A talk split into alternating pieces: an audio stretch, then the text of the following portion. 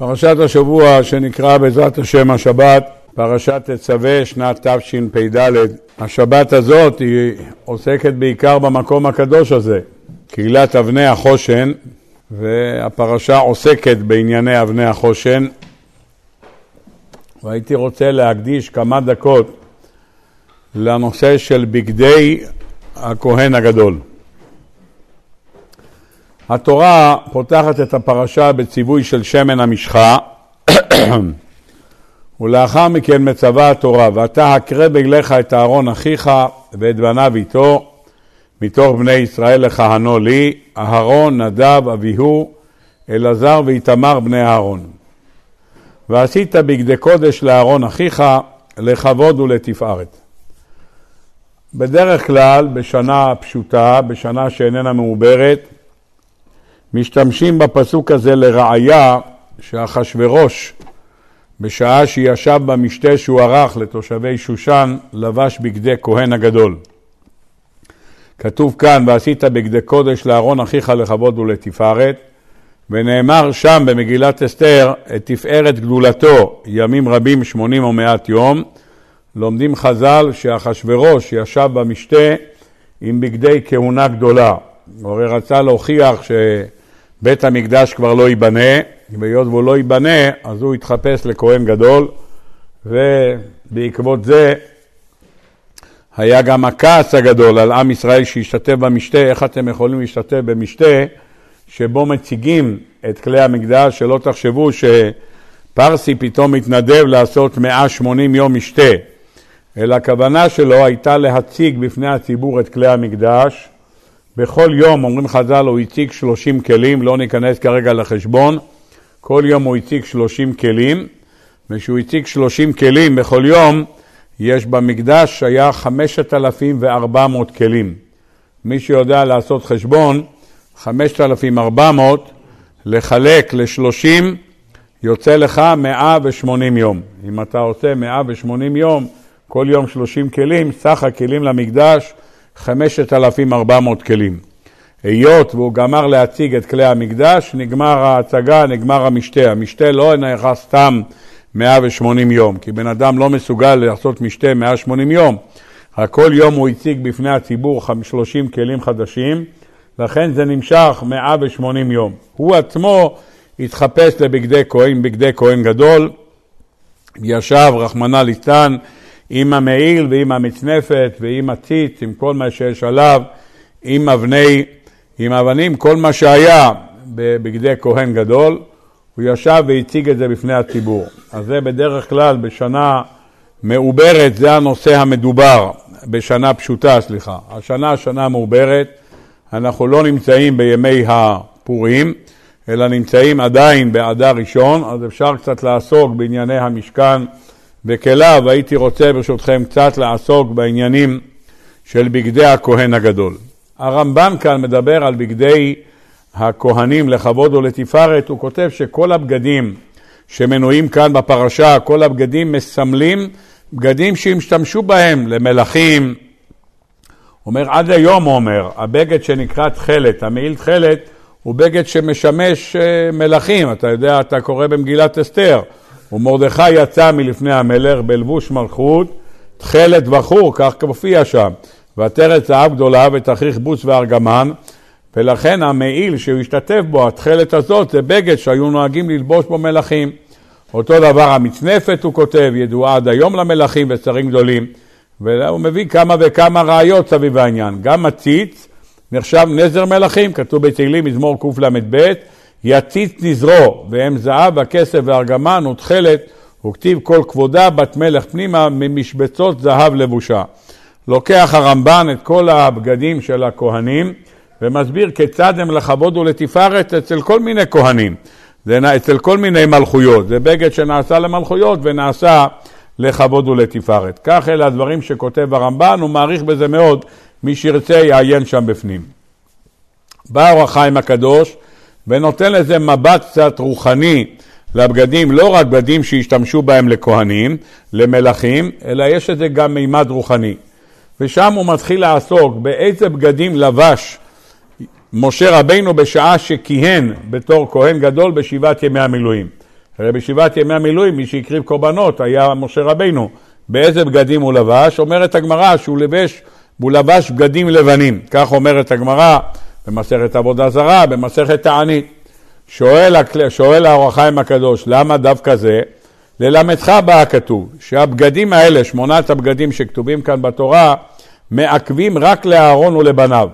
ולכן נאמר בפסוק שהבגדים יהיו לכבוד ולתפארת רק למאן דאמר שהוא משרת קבוע לעבודת הכהנים. אבל זולת אהרון ובניו אפשר לעבוד בחלוק לבן. רק הכהנים המשרתים הם צריכים את ארבעת הבגדים של כהן אדיוט ושמונת הבגדים של כהן גדול. עוד יש לומר, כי בא השם לתת טעם למה ציווה בשמונה בגדים, ארבעה בלבן וארבעה בזהב. הוא רוצה להגיד לך מה מונח בזה. ואמר הטעם לכבוד ולתפארת. ופירוש הדבר על פי הדברים שכתב הזוהר הקדוש, כי השמונה בגדים של בגדי לבן רומז לדלת אותיות של שם הוויה ברוך הוא, ודלת בגדי זהב ירמזו אל דלת אותיות של שם א' ד' נ' י'. כותב האור החיים הקדוש, יש חצי שמות, הוויה ואדנות. הוויה זה רחמים, אדנות זה דין. אז הוא אומר, בגדי זהב, זהב כידוע לכולם, מסמל את עניין הדינים. הלבן מסמל את העניין של רחמים. אז אומר, השם הזה שבגדי לבן רומז לשם הוויה, ואילו הזהב רושם של שם של הדמות. וידע כי שם הוויה ברוך הוא התייחס אליו הכינוי התפארת כידוע, ושם אדנות התייחס אליו כינוי הכבוד כידוע. והוא אומרו ועשית בגדי קודש לכבוד כנגד בגדי הזהב ולתפארת כנגד בגדי לבן. אלה הדברים שכותב האור החיים הקדוש. וציווה השם לעשות שמונה בגדים שבאמצעותם יתקפחו פגמים אשר יסובבו בני אדם, אשר יגיע למקום עליון ובזה יכופר העוון ההוא. אומר לנו, אומר לנו האור החיים הקדוש, חוץ מזה ששמונה בגדים אמרת לך שהלבן כנגד הוויה והזהב כנגד אדנות, השמונה בגדים האלה באים גם לכפר עוונות, ולדרך זה יש לתת טעם. למה הקפיד השם על הבגדים באהרון ולא במשה? למה בשמונה, בשמונת ימי המילואים לא ישתמש בבגדים האלה? על דרך אומרו כי שמונת בגדי הכהונה מכפרים על שמונה מיני עבירות שיהיו בבני ישראל, אשר על כן לא ציווה השם הדבר. אלא לכהן בעומדו לשרת ובניו כל הימים לכפר על בני ישראל. מה שאין כן משה, שכל מה ששימש זין ימי המילואים לא היה אלא לכפרת אהרון ובניו למלא את ידם לעבוד לפני השם. לא היה צורך למה שהתכפרו הבגדים, ולכן שימש בחלוק לבן. עד כאן הדברים שכותב האור החיים הקדוש. יש חידוש גדול ברבי יונתן אייבשיץ, שאומר שבכלל הבגדים נעשו באמצעות ספר יצירה, לא פחות ולא יותר, כך כותב רבי יונתן אייבשיץ, שיד אדם לא נגע בהם, אלא נעשו באמצעות ספר יצירה, כמו שאפשר לברוא כל מיני דברים באמצעות ספר יצירה, כך כותב רבי יונתן אייבשיץ. בא אור החיים הקדוש ואומר ששמונת הבגדים באים לכפר על חטאים. איזה חטאים? באה הגמרא במסכת זבחים, דף פ"ח, בעוד מקום זה כתוב בש"ס. למה נסמכה פרשת קורבנות לפרשת בגדי כהונה? מה הסמיכות שיש ביניהם? לומר לך, מה קורבנות מכפרים? הבגדי כהונה מכפרים. כמו שקורבנות מכפר, עולה מכפר על מחשבה וחטאת מכפר על מעשה, גם בגדי כהונה מכפרים.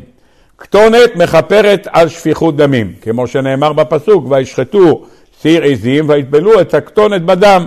אז לכן השתמשו בכתונת כלכפרה על שפיכות דמים.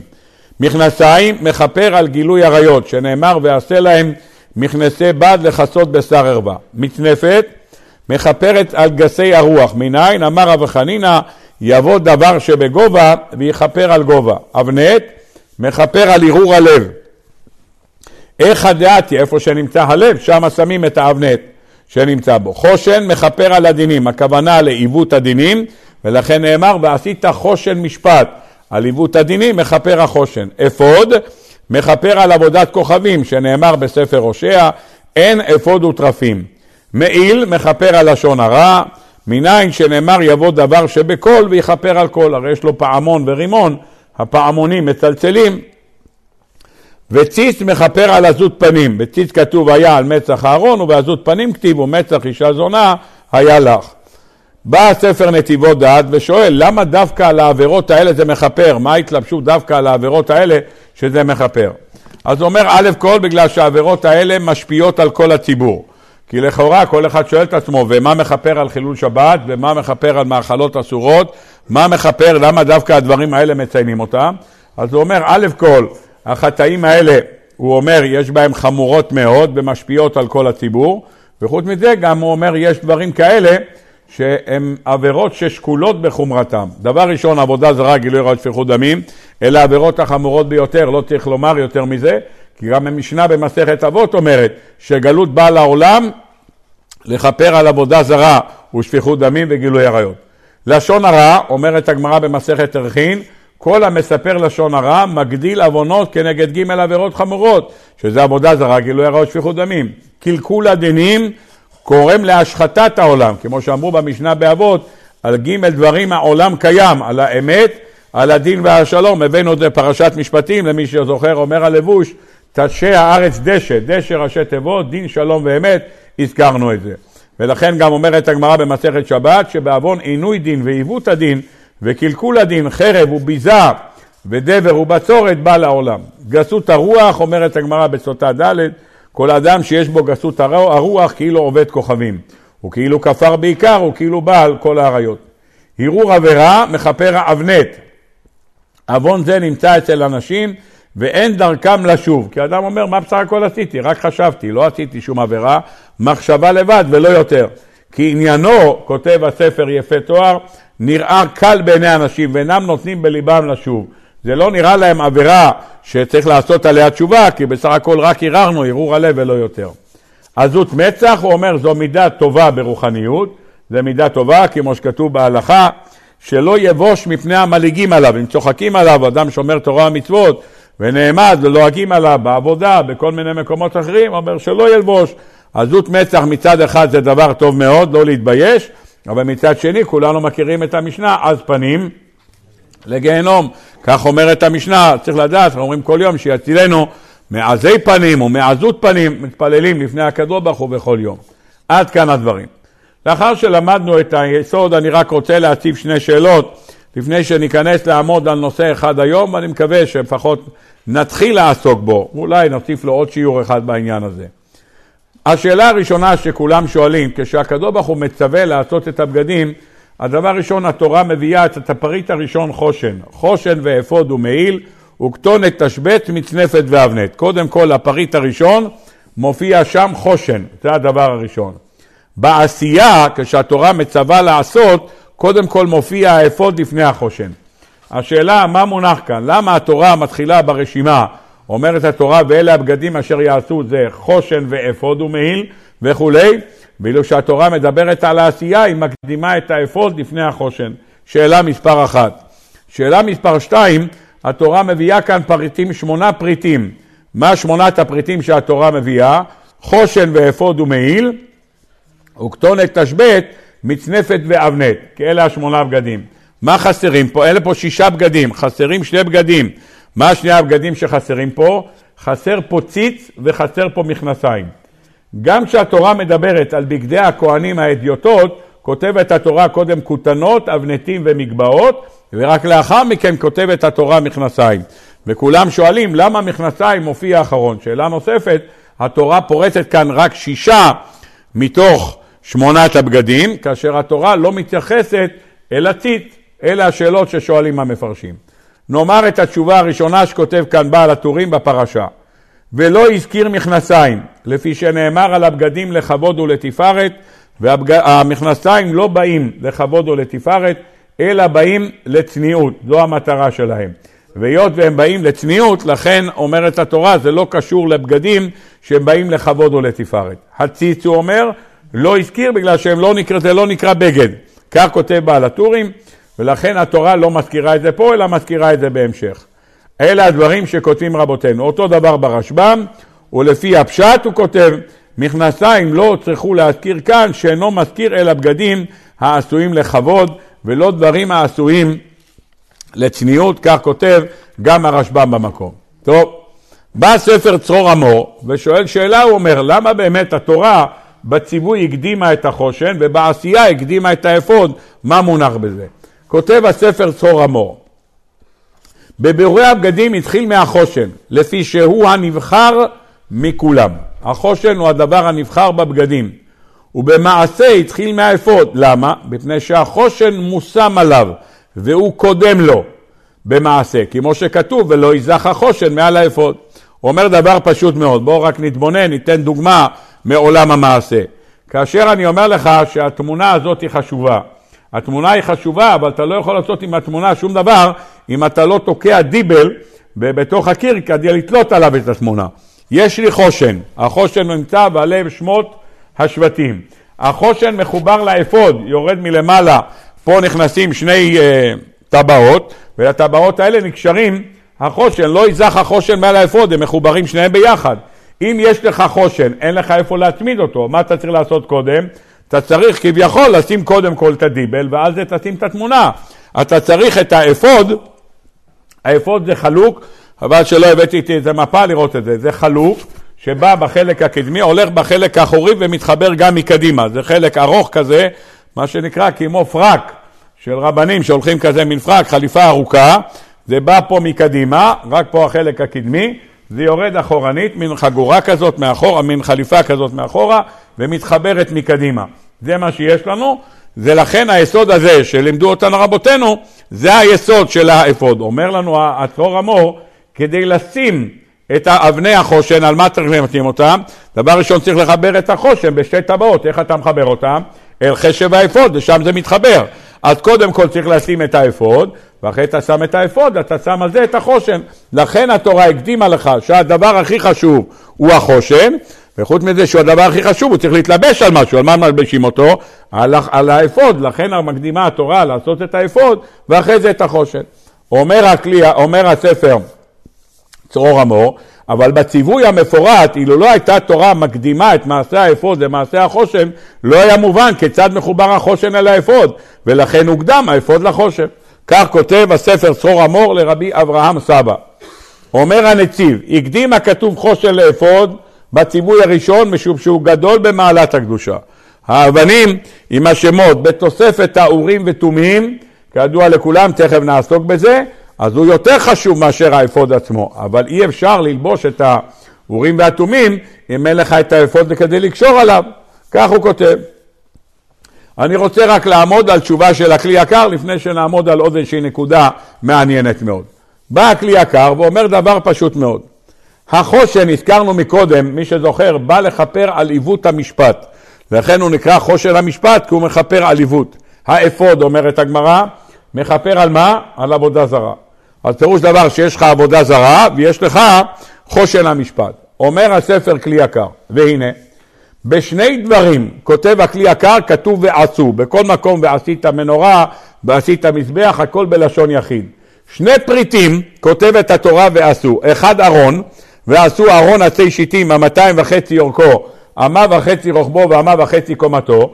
אומר הכלי יקר, שם כולם שואלים, למה התורה כותבת ועשו ולא ועשית? לא ועשה, אלא, ולא, אלא מה? אומרת התורה בלשון רבים. אומרת התורה, ועשו אהרון, לומר לך שכולם יהיו שותפים בעשיית הארון, כך אומרת הגמרא.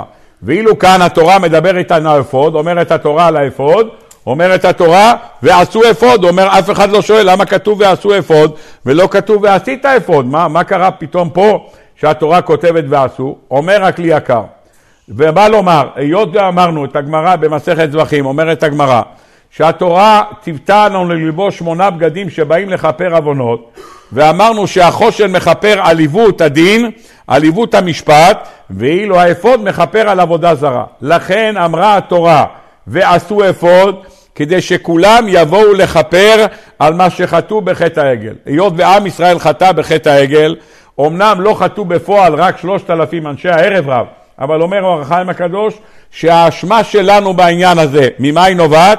אומר אור החיים מפני שלא מיחו, כך נקרא באור החיים בעזרת השם בשבוע הבא, היה להם למחות על המעשה הזה של עשיית העגל ולא מיחו, וכל מי שיש בידו למחות כמו שמצאנו בפרתו אומרת הגמרא, היה בידו למחות והוא לא מחה, אז מעליה כתוב כאילו הוא חילל שבת. אותו דבר אדם שיש בידו למחות ולא מחה על חטא העגל, אז נחשב לו עוון.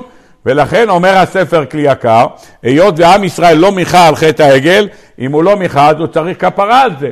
לכן אמר הקדוש ברוך הוא ועשו אפוד שיבואו כולם להיות שותפים בעשיית האפוד כדי לכפר על זה. כך כותב הספר כלי יקר.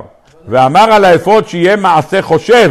למה כתוב כמעשה חושב? כדי לכפר על עבודה זרה, שהמחשבה בה כמעשה, כמו שנאמר בספר יחזקאל, למען תפוס את בית ישראל בליבם. וטעמו של דבר, שעיקר העוון ההוא, הכוונה בעבודה זרה, תלוי באמונה, דהיינו במחשבה, וכל העבודות שעושה לעבודה זרה, ותפל אל המחשבה. כי עיקר החטא הוא תלוי בלב המאמין, כמו שנאמר, וחשב עפודתו אשר עליו כמעשהו עצם המחשבה. אם אמרת שאפוד בא לכפר על עבודה זרה, אז וחשב האפוד. מה שבן אדם חשב במחשבת עבודה זרה, נחשב על המעשה. ולכן הזכיר לשון חשב, אומר הכלי יקר, המורה על המחשבה, לדרוש בו, שהמחשבה בו כמעשה, הוא רצה לומר כמעשה דמי, כי משום זה נעשה החשב כמעשה לכפר על המחשבה שהיא כמעשה דמי. עד כאן הדברים שכותב הכלי יקר. אני רוצה לעמוד על הערה מאוד מאוד יפה שמופיעה בחידה ולהסביר למה במחשבת עבודה זרה מחייבים אותך גם על מחשבה ולא רק מעשה. באה החידה ושואל שאלה מאוד יפה. כתוב בגמרא, במסכת, במסכת קידושין, חשב אדם לעשות מצווה ונאנס ולא עשה, מעלה עליו הכתוב כי לא עשה. אותו דבר, אם אדם לא רק חשב ונאנס ולא עשה, הוא אמר לאשתו היקרה, שרה, אני הולך עכשיו בבקשה לעזור לדוד השכן, יש לו פיצוץ בצינור. הוא עולה למעלה לדוד השכן, הוא מגיע כבר משה, הדלת ממול, כבר עומד שם עם המפתח שוודי וכבר סוגר את הפיצוץ. מה הוא? חשב אדם לעשות, הוא לא נאנס ולא עשה. הוא בא, הוא הגיע לדירה עם מפתח שוודי והולך לתקן, אבל מה לעשות? שהשכן ממול הקדים אותו ועשה את זה. לא הפסדת כלום, אומרת הגמרא, זה לא כמו שעשית, אבל מעלה עליו כאילו עשה. מה קורה לבן אדם שחשב לדבר לשון הרע? הוא בא להגיד למישהו משהו, אומר אל תשאל מה שמעתי היום. מה שמעת היום? הוא רוצה להגיד לו מה הוא שמע, אומר שמעתי שביומיים הקרובים לא ירד גשם. אה, אומר זה הכל, חשבתי איזה דרמה משהו. הוא אומר לא, הוא לא רצה להגיד לו מה הוא כן רצה להגיד, הוא פשוט נזכר שלשון הרע לא מדבר אליי, והוא לא רוצה חס וחלילה לעבור כל כך הרבה עוונות של לשון הרע, אז הוא סוגר את הפה, לא אומר שום דבר. חשב אדם לעבור עבירה ולא עשה, מעלה עליו כתוב כאילו עשה? לא. לא, לא מחשב אותו כאילו עשה. יפה מאוד. חשב אדם לגנוב, והוא לא רק חשב, הוא כבר עלה על המרזב. הוא עלה על המרזב, הוא כבר בדרך להיכנס. פתאום אם מגיע לי, אני אקבל מהשמיים, למה צריך להיכנס פה ויתפסו אותי? מה, מגיע לי, הקדוש ברוך הוא זן ומפרנס מקרני רעמים עד ביצי כנים, נותן לזה לאכול, זה לאכול, למה צריך להיכנס שם? הכל בסדר גמור. חשב אדם לעשות עבירה ולא עשה, לא נחשב לו כעבירה. יפה מאוד. בא החידה ושואל לו, לא מבין, בוא תסביר לי. אם אתה אומר שמחשבה פועלת, מחשבה פועלת במעשה, ואתה אומר חשב אדם לעשות מצווה, נרשם לו כי עשה מצווה, כמה מחשבות טובות חשבנו היום, אה? לא רק בגלל השיר מחשבות טובות, כמה מחשבות? הלכתם ברחוב, אמרתם, אם רק היה לי כסף, הייתי בונה פה עוד בית כנסת, אם רק היה לי כסף, הייתי בונה פה עוד מקווה, רק היה לי כסף, הייתי... כל הזמן, אתה מלאים מחשבות טובות, לא? אם הייתי מגיע בזמן, הייתי בא לשיעור, הייתי הולך... כל הזמן אנחנו מלאים מחשבות טובות. מחשבה טובה מצרפה למעשה, אומר, אם היה לי כסף מונותם, הייתי גומר את הבניין ממול. כמה זה עולה? חמש מיליון. הייתי נותן, מעלה עליו הכתוב, כאילו נתן חמש מיליון. מחשבות טובות זה דבר טוב מאוד, לחשוב מחשבות טובות. מחשבה רעה לא נחשבת למעשה. שואל החידה, אומר, תסביר לי, לא מבין. שואל החידה, בספר תורה אור, אם אתה אומר שמחשבה פועלת, אז למה היא פועלת רק בדבר טוב ולא פועלת במה? ולא פועלת בדבר רע, כך הוא שואל. הוא אומר, אם מחשבה לא פועלת ולא פועלת בדבר רע, אז למה זה פועל במעשה טוב? כך הוא שואל. טוב. שאלה נוספת, אומר החידה, תשובה נוספת, אומר החידה, הקדוש ברוך הוא היחידי שיודע מחשבות. אנחנו אומרים, בני עדות אשכנז אומרים, ליודע מחשבות ביום דין. חוץ מזה, מי שאומר אני מאמין בכל יום, אחד מהעיקרים של אני מאמין, שהקדוש ברוך הוא יודע מחשבות, זה אחד הדברים שאנחנו אומרים. חוץ מזה אנחנו אומרים בסליחות, אנחנו אומרים בסליחות, בווידוי אנחנו אומרים, אתה יודע רצי עולם ותעלומות סתרי כל חי, אתה חופש כל חדרי בטן ובוחן כליות ולב, אין דבר נעלם ממך ואין נסתר מנגד עיניך. פירוש דבר אתה אומר שהקדוש ברוך הוא הכל וידוע. מחשבות מלאכי השרת לא יודעים מחשבות. מלאכי השרת קוראים רק מעשים, מחשבות הם לא יודעים. אומרת הגמרא, אומר הפסוק בנביא בספר שמואל, אדם יראה לעיניים והשם יראה ללבב. מה נעשה בליבו של האדם? אף אחד לא יודע. אומרת הגמרא, שבעה דברים נסתרים בבני אדם. אחד מהם זה מחשבותיו של אדם. בא החידה ואומר דבר יפה מאוד. ישנו פסוק שנאמר בספר איוב, השם נתן והשם לקח. יהי שם השם מבורך. שואל הירושלמי, למה כתוב השם נתן והשם לקח? היה צריך לומר, השם נתן, השם לקח. למה שאתה מדבר בלקח, כתוב והשם לקח. למה לא כתוב השם נתן, השם לקח? ככה שואל הירושלמי. והירושלמי אומר תשובה. השם נתן הוא נותן לבד, לקחת הוא לוקחת עם בית דינו. הוא ובית דינו. השם נתן, זה הוא נותן לבד, השם לקח, הוא מתייעץ עם בית דינו. לכן כתוב והשם, והשם הכוונה הוא בבית דינו. אם ככה רבותיי, בואו נראה דבר מעניין מאוד. שהקדוש ברוך הוא נותן, הוא לא שואל את מלאכי השרת. הוא נותן לבד, הוא לא מתייעץ עם אף אחד, נותן. כשהוא הולך לקחת, הוא הולך להעניש, הוא מתייעץ עם בית דינו. זה מה שכתוב, השם נתן, לתת הוא לא מתייעץ עם אף אחד. לקחת, הוא מתייעץ עם בית דינו אם לקחת את זה.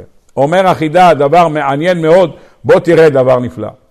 אומר החידה, שבן אדם רוצה לעבור עבירה, מי יודע מזה? רק הקדוש ברוך הוא יודע מזה. חשב אדם לעבור עבירה ולא עבר, אומר, הוא לא מחשיב לו את זה לעבירה. למה הוא לא מחשיב לזה עבירה? א' כל המלאכים לא יודעים, כי המלאכים לא קוראים מחשבות. אם מלאכים לא קוראים מחשבות, אז מי צריך להגיד שהייתה כאן מחשבה? מי צריך להגיד? אמרת, אדם יראה לעיניים והשם יראה ללבב. אז הקדוש ברוך הוא בא לבית דינו, רוצה לקחת מההוא איזה דבר שיש לו, רוצה לקחת להעניש אותו. אם הוא רוצה לקחת ולהעניש בן אדם, אז הוא צריך לבוא לבית דינו, להסביר למה הוא מעניש אותם. מה הוא אומר לבית דינו? זה פלוני בן פלוני עשה ככה וככה, במחשבה, הוא לא עשה. ראיתי אותו שהוא הולך לגנוב. אז הוא מודיע להם שהייתה לו מחשבה ללכת לביצוע גניבה, בסוף הוא חזר בו. אז הוא מודיע שבוצע הדבר הזה. אנחנו נחשבים כבנים לקדוש ברוך הוא, הקדוש ברוך הוא נחשב כאבא שלנו. אומר החידה, אבא לא יכול להעיד על הבן שלו. למה הוא לא יכול להעיד על הבן שלו? כי הוא פסול לעדות. אומרים לו המלאכים, סליחה, אנחנו לא יכולים, ריבונו של עולם, עם כל הרצון, אנחנו לא יכולים לקבל ממך שום דבר. למה? כי אתה מעיד על הבן אדם, על הבן שלך, אתה מעיד שהוא עשה ככה וככה. אתה פסול לעדות. אם אתה פסול לעדות, אנחנו לא יכולים לקבל את העדות שלך. יפה מאוד. אומר החידה דבר נפלא. כשבן אדם חוטא, אומר החידה, אדם חוטא בעבירות מזדמנות. אדם חוטא בעבירה פלונית, עבירה אלמונית, הוא לא כופר בקדוש ברוך הוא. אין בו כפירה.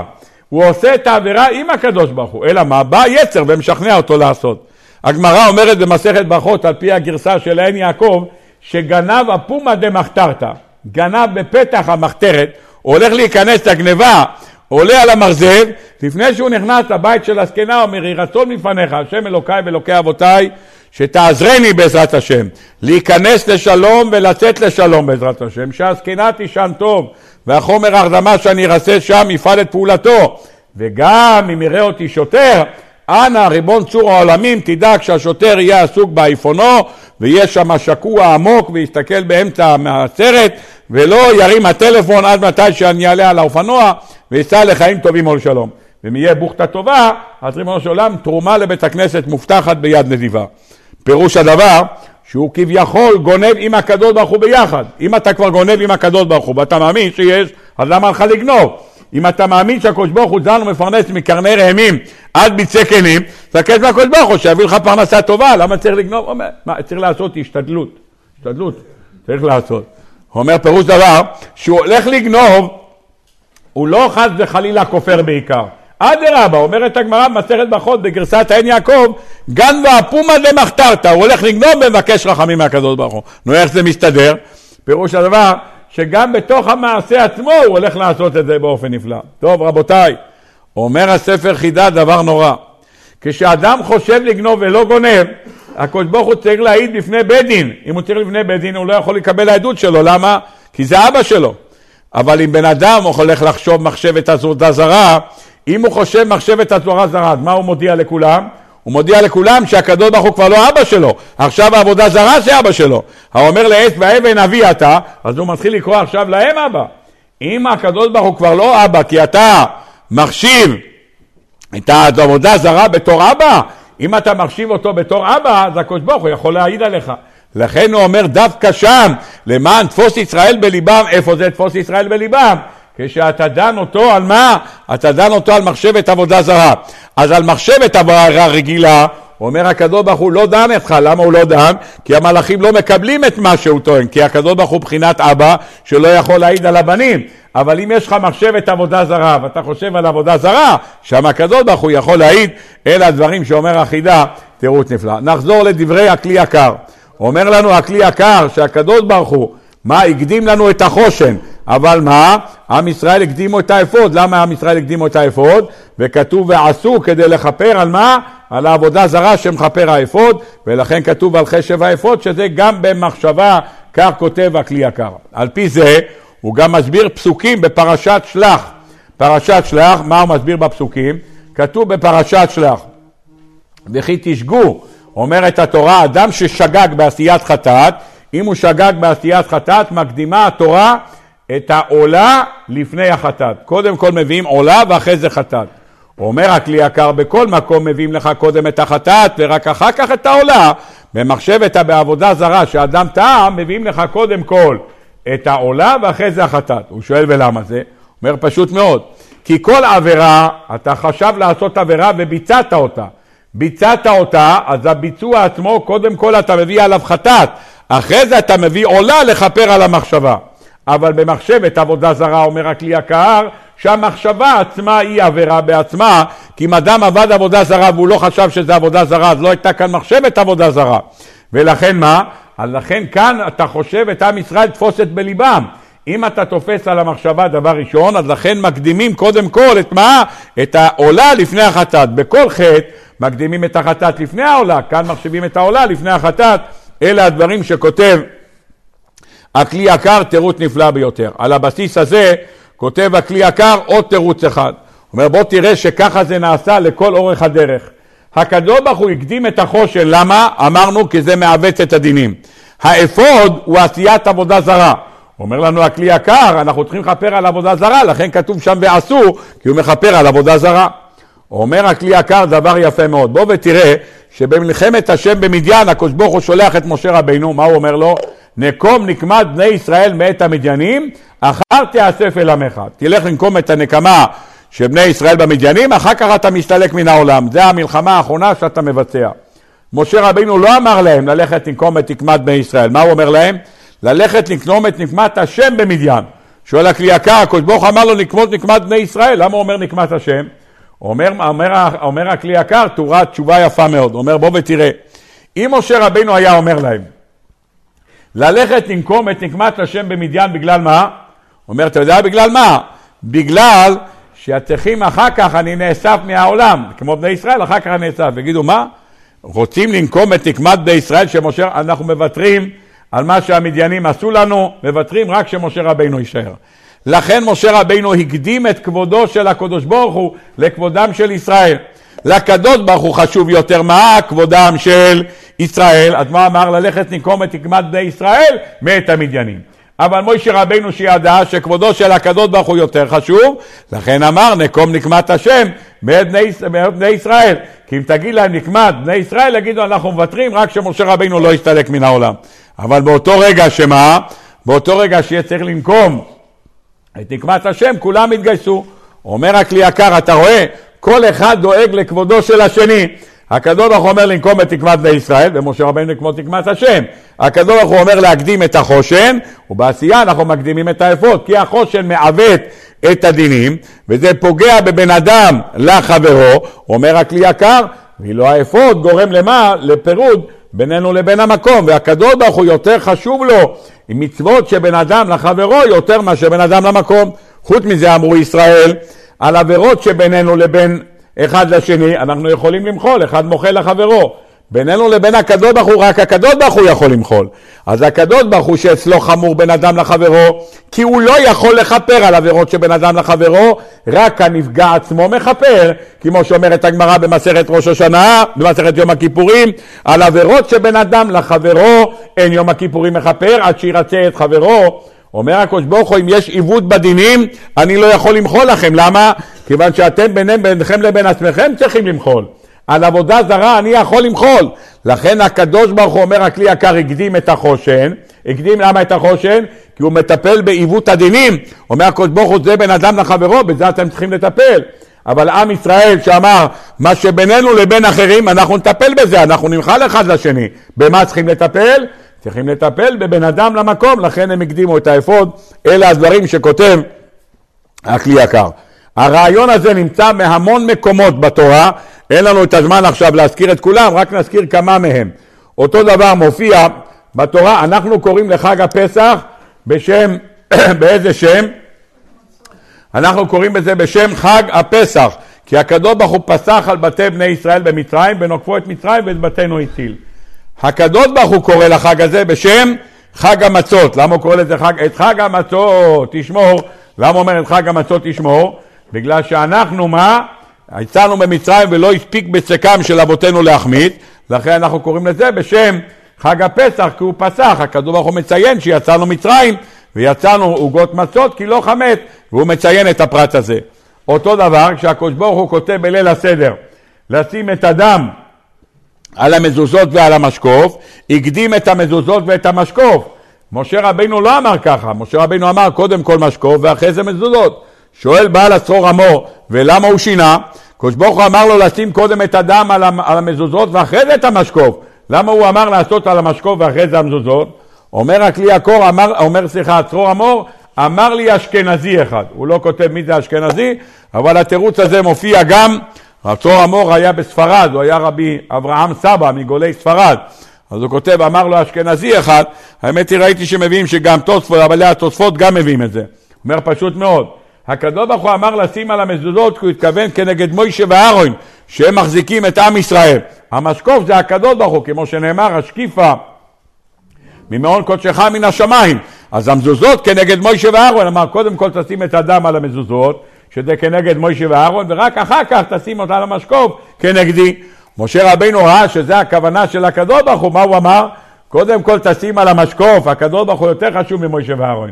מוישה ואהרון מנהיגים, אבל הקדוש ברוך הוא מלך מלכי המלכים, לכן צריך לשים אותו למעלה.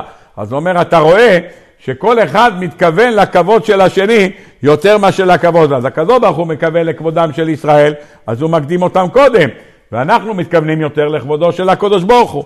אותו דבר נקרא בעזרת השם בשבוע הבא, הקדוש ברוך הוא מצווה על עשיית הכיור, ושמן המשחה, וקטורת הסמים, ורק אחר כך הוא מצווה על השבת. בסוף הוא מצווה על השבת. בעזרת השם בפרשת ויקל, משה רבינו מקיל את כל עם ישראל, מה הדבר הראשון שהוא מצווה?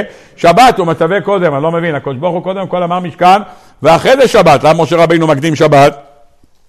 כי הקדוש ברוך הוא יותר חשוב לו המשכן לכפר על חטא העגל, להראות שהקדוש ברוך הוא משרה את שכינתו בעם ישראל, לוחות העדות, משכן העדות, עדות לכל באי עולם, ששכינה שורה בישראל והקדוש ברוך הוא מחל להם על חטא העגל. אז הקדוש ברוך הוא מקדים את מה? הוא מקדים את ארון העדות ומקדים את המשכן קודם. אבל מוישה רבינו שידע שהשבת אנחנו מעידים כי ששת ימים עשה השם את השמיים ואת הארץ, אז אמנם העדות במשכן אתה מעיד שהקדוש ברוך הוא מחל על חטא העגל זה עדות על עם ישראל. אומר משה רבינו, הקדוש ברוך הוא חושב להעיד על עם ישראל, לנו יותר חשוב על מי להעיד? על מלך מלכי המלכים הקדוש ברוך הוא, ולכן הוא פתח במצוות השבת לפני. טוב, עד כאן הדברים בסייעתא דשמיא. אני רוצה רק לעמוד ממש בכמה דקות, היות וזה קהילת החושן, אז בואו נקדיש כמה דקות לחושן, ואולי נחזור עליו בעזרת השם בשיעור נוסף. בואו קודם כל נלמד את הרעיון. החושן היה בד שהיה רקום מכל מה שכתוב שם.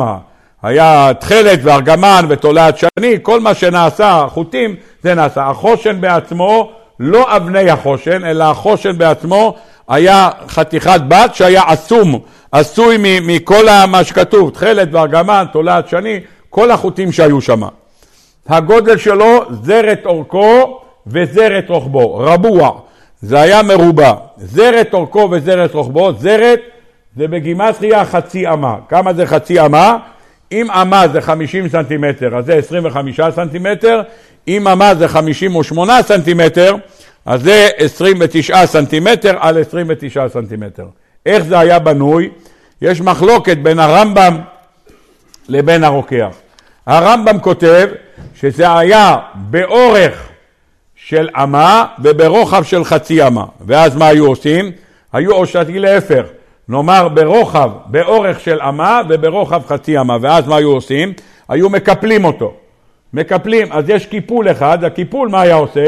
היה מביא אותו לחצי, אז זה נהיה זרת. אפילו גם אמרת שזה היה אמה, שהיה חצי אמה, שזה זרת, הוא היה באורך של אמה וקיפלת אותו. זה שיטה אחת של הרמב"ם.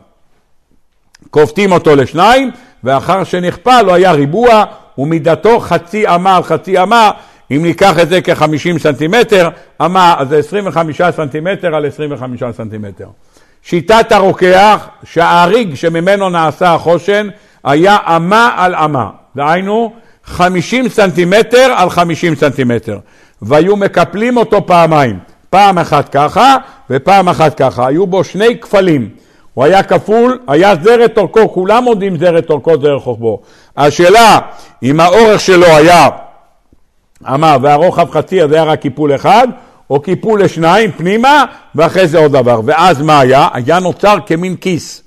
בשני הצדדים שלו שמו טבעות, אל הטבעות התחבר האפוד, ועל זה היו קובעים את האבנים, את אבני החושן, שם היו קובעים ראובן, שמעון, את השמות שלהם. איך זה היה רשום? אם זה היה ראובן, שמעון, לוי, ואז שלוש, שלוש, שלוש כפול ארבע, או היה כתוב ארבע כפול שלוש. זו שאלה איך היו רשומים שם השמות. האם כתוב רק בכל אחד שלוש, ראובן, שמעון, לוי, ואחרי זה ארבע עוד שלוש, ואז זה, הריבוע הוא של ארבע כפול שלוש, או שלא, או שיש לך ארבע, ואז ארבע שמות כפול שלוש שורות. זה מחלוקת הפוסקים, איך זה מסודר, גם יש מחלוקת איך השמות היו רשומים, האם לפי סדר לידתם או לפי סדר לידת האימהות. יש שתי דעות, בכל אופן היו כתובים על זה שמות.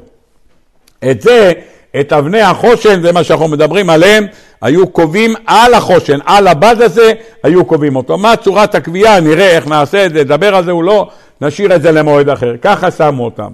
בתוך הכפלים שבתוך החושן, לא אבני החושן, בתוך הכפלים שבתוך החושן היה אורים ותומים. האורים והתומים היה שם מפורש, השם המפורש, שם ע"ב, שם מ"ב, דעות במפרשים, וזה היה עושה אורים ותומים. מה היה עושה אורים ותומים? האורים היה מאיר את האורות, היה מאיר את האותיות. על האותיות פה של השבטים יש את כל האותיות חוץ מארבע. בשמות השבטים ישנם כל האותיות חוץ מארבע. מה חסר? חטא, הכוונה חטא וקץ. יעקב רצה לגלות להם את הקץ, והוא ראה שאין להם את האותיות קץ. אז הוא אמר, שמא יש בכם חטא? הוא אמר, אין להם לא קץ ולא חטא. לא, לא עוד חטא, לא עוד ט', לא עוד ק' ולא עוד צדיק. לא משנה, אם תקראו לזה חטא וצ'ק, זה לא כל כך משנה איך תקראו לזה. העיקר, אלה ארבעת האותיות שלא היו שם. אז כדי שיהיה את כל האותיות, כי אם אתה שואל שאלה ואומרים לך צא לדרך, אתה צריך שיהיה לך צדיק. יפה, אתה צריך שיהיה לך את האות אם אתה כותב אה, משהו וצריך שם ט', אין לך ט', בשמות של השבטים אין.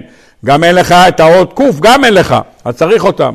אז אם אין לך ח' וט' ואין לך צדיק וק', אז צריך לעשות את האותיות האלה. מה עשו? אומרים חז"ל, היה כתוב השמות אברהם, יצחק, יעקב, והיה כתוב האותיות שבטי ישורון.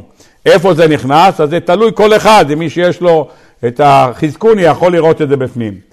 השם הראשון נקרא ראובן, השם הראשון ראובן זה חמש אותיות. חמש אותיות, צריך, אפשר להוסיף, הוסיפו על ראובן א' של אברהם. א' של אברהם, אז עכשיו יש שש אותיות על כל ריבוע. שמעון זה גם כן חמש אותיות, מוסיפים את הבית של אברהם.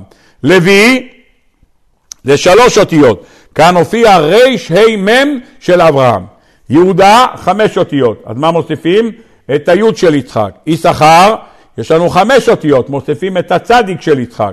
זבולון, חמש אותיות, מוסיפים את החטא של יצחק. ואחרי זה דן, יש לנו שתי אותיות, אפשר להוסיף עוד ארבע. הוסיפו קוף של יצחק ויוד עין קוף של יעקב. אחרי זה נפתלי, שמו את הבית של יעקב. אחרי זה גד, יש לו שתי אותיות, אפשר להוסיף לו ארבע, היה כתוב שבטי, שבטי שין, ב', ט', י'. אחרי זה אשר, יש לו שלוש אותיות. אז אם יש לו אשר יהיה שלוש אותיות, אז י' ש' ר' מישורון נכנסים אצל אשר. יוסף יש לו ו' ונון סופית, אז הוא מסיים ישורון, זה המידה שלו. אה יוסף אמר, זה יש לך יוסף, זה מצטרף אליו ביחד שש. בנימין, יש לו שש אותיות, אין מה להוסיף. זה החלק שיש. אומר החזקוני, אם תספור את כל האותיות של השבטים, כולל אברהם, יצחק ויעקב ושבטי ישורון, יצא לך 72 אותיות. זה כנגד שם ע"ב שהיה מקופל בבפנים. ואז נעמדים לפני אהרון הכהן ושואלים אותו במשפט האורים והתומים, לצאת למלחמה, לא לצאת למלחמה, כך לעשות, כך לעשות, והיו נדלקים האותיות. היו נדלקים האותיות, זה האורים, היו נדלקים אותיות. היית רוצה לדעת לצאת או לא, הנדלק י' עין ל"ה, היעלה. דבר זה, בציון בספר שופטים כתוב, יהודה יעלה. יהודה יעלה, אז זה מסופר ברמב"ן כאן בפרשה איך היה הסדר שבו זה נעשה. יפה מאוד. אבל אתה קורא אותם, אתה לא יודע לקרוא, איך לקרוא אותם, כותב הרמב"ן. למה? כי אתה יכול לקרוא אותם בכל מיני אופציות. אם אתה לא יודע לקרוא אותם בצורה נכונה, אתה יכול להישבש לגמרי את כל המערכת. לכן אם כתוב יהודה יעלה, אם אתה לא יודע, זה אותיות שמסתובבות, לך תדע, אתה יכול לקרוא לזה הווי הד עלייה.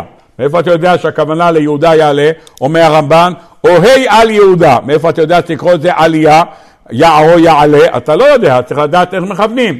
אז זה בא על האורים, בא התומים, שהיה מסדר לך אותיות כדי שתדע לקרוא אותם, זה נקרא האורים, היה מתעורר, מאיר לך אותיות, התומים היו מסדרים לך את זה. הדוגמה הקלאסית שמופיעה בגאון מווילנה, אומר הגאון מווילנה, כאשר באה חנה, שהייתה אישה צדיקה, באה להתפלל במשכן שילה, ואלי ראה אותה וראה שרק שפתיה נאות וקולה לא יישמע. אז היא לא ידעה מה, מה הוא אמר לה? הוא אמר לה ויחשביה אלי לשיכורה ויאמר אליה עד מתי תשתכרין אסיר את ינך מעלייך מה את עושה? את נראית כמו שיכורה. מה הוא עשה? הוא שאל בהורים ותומים שלו, הוא היה כהן, אלי הכהן, הוא שאל בהורים ותומים שלו האם היא שיכורה או לא. מה כתוב? היה כתוב לו שיכורה.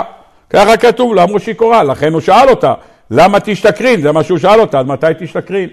אומר הגאון מווילנה, אמרה לו, למה אתה אומר לי ככה? למה אתה אומר לי שאני שיכורה? אומר, מה פתאום?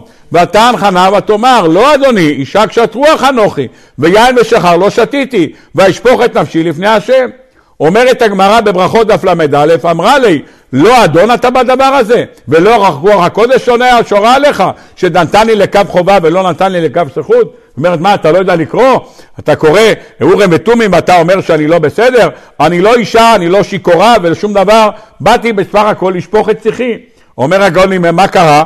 אומר פשוט מאוד, מה היא אמרה לו? לא, אתה אדון בדבר הזה, יש לך אורים, אתה לא יודע לקרוא תומים? אתה לא יודע איך לקרוא את זה? לא קוראים את זה שיכורה, כתוב שם כשרה, אותיות שיכורה זה אותיות כשרה.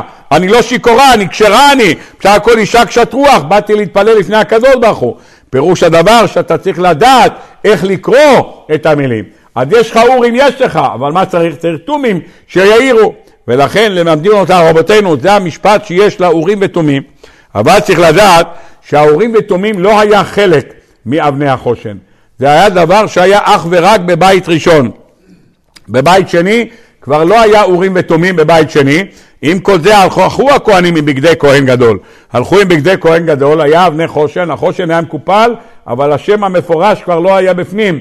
אומר הרמב"ן את השם המפורש, רק משה רבינו ידע איך לכתוב אותו ואיך לעשות אותו, או שנעשה על ידי שמיים, אומר הרמב"ן, ואז הכניסו אותו. אבל זה לא פוסל. אורים ותומים זה רק למעלתם של ישראל. יש מעלה שיש אורים ותומים, אפשר לשאול. אבל אם אין אורים ותומים, כמו שנאמר בספר, בספר, בספר במדבר, מופיע שם שיהושע התמנה, אמר לו ושאל, יעמוד לפני אלעזר הכהן ושאל לו במשפט האורים. פירוש דבר, אז אפשר לשאול באמצעות ההורים, לצאת למלחמה, לא לצאת למלחמה, זה השתמשו בזה בפגלגש בגבעה, אומרת הגמרא במסכת מסכת אה, יומא דף ע"ב, השתמשו בזה לשאול שאלות, המלך שאל, כן לצאת למלחמה, לא לצאת למלחמה, כל השאלות האלה שאלו אותם. בזמן בית שני, אומר הרמב"ן, לא היו הבגדים, לא היה חושן, לא, חושן היה, אבל לא היה את, ה, את האורים והתומים לא היו. עם כל זה עשו את העבודה בבית המקדש. מי זוכה לראות באורים ותומים? אדם שלא מקנא. זאת אומרת, אדם שלא מקנא, לא הבאתי עכשיו לקרוא לכם את האברבנל בפנים. אומר אברבנאל, כתוב בתורה, ורעך ושמח בליבו. אומרת הגמרא, מסכת שבת קלט, כמדומני אמר רב שמילואי, מפני מה זכה שיש לו את החושן על החזה שלו? למה? בגלל שכתוב ורעך ושמח בליבו. שהוא שמע שמשה רבינו, הוא בא לגאול את ישראל, למרות שאהרון הנהיג את ישראל כל כך הרבה שנים, והוא זה שהנהיג את עם ישראל במצרים, ואותו שלו, והוא היה המנהיג, ועכשיו הקדוש ברוך הוא אומר לו, עכשיו משה רבינו צא לקראת אחיך המדברה, אומרת התורה ורעך ושמח בליבו, זה לא דבר קל שבקלים.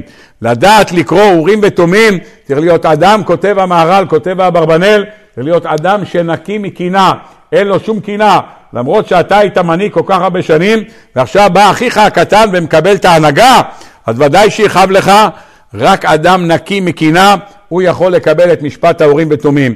אומר לנו אברבנאל, זה לא חלק מבגדי הכהונה.